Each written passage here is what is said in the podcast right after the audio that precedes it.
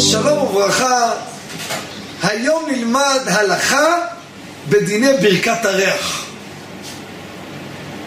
אנחנו הזכרנו כבר שכל מין מברכת הריח לו את הברכה שלו. אתם יודעים שאנחנו הספרדים, מוצאי שבת מברכים בבשמים בהבדלה כל מין את הברכה שלו.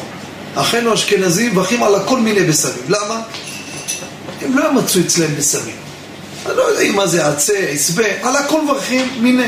מאותו סיבה כותב ערוך השולחן, מעניין הרב אפשטיין, הבאתי את זה בברית מילה, דיני ברית מילה, בברית בנימין, שאשכנזים לא נהגו לברך על הבשמים בברית מילה. למה? כי לא היה מצוי באירופה, במקומות הקרים, בשמים. דרך אגב, מה לברך על בושם שהוא סינתטי? קנינו בושם, אפילו יקר, עשוי מחומרים כימיים. מרן הרב עובדיה פעם אחת כתב שמברכים על זה ברכת הריח, בורא מיני בשמים. כך כתב בחזון עובדיה, ט"ו בשבט ברכות. ואילו בחזון עובדיה, ימים נוראים, שם הוא כתב שלא לברך על בושם סינתטי.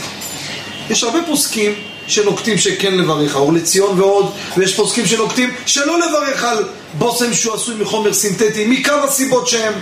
דבר שעשוי לריח טוב, לא עשוי למתאר אוויר בשביל לגרש ריח רע וכדומה.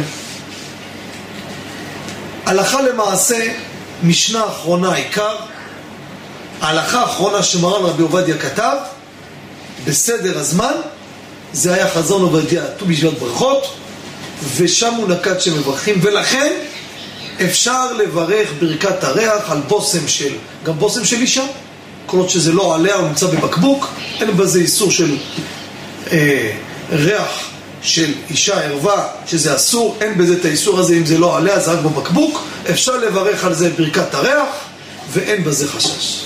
תודה רבה.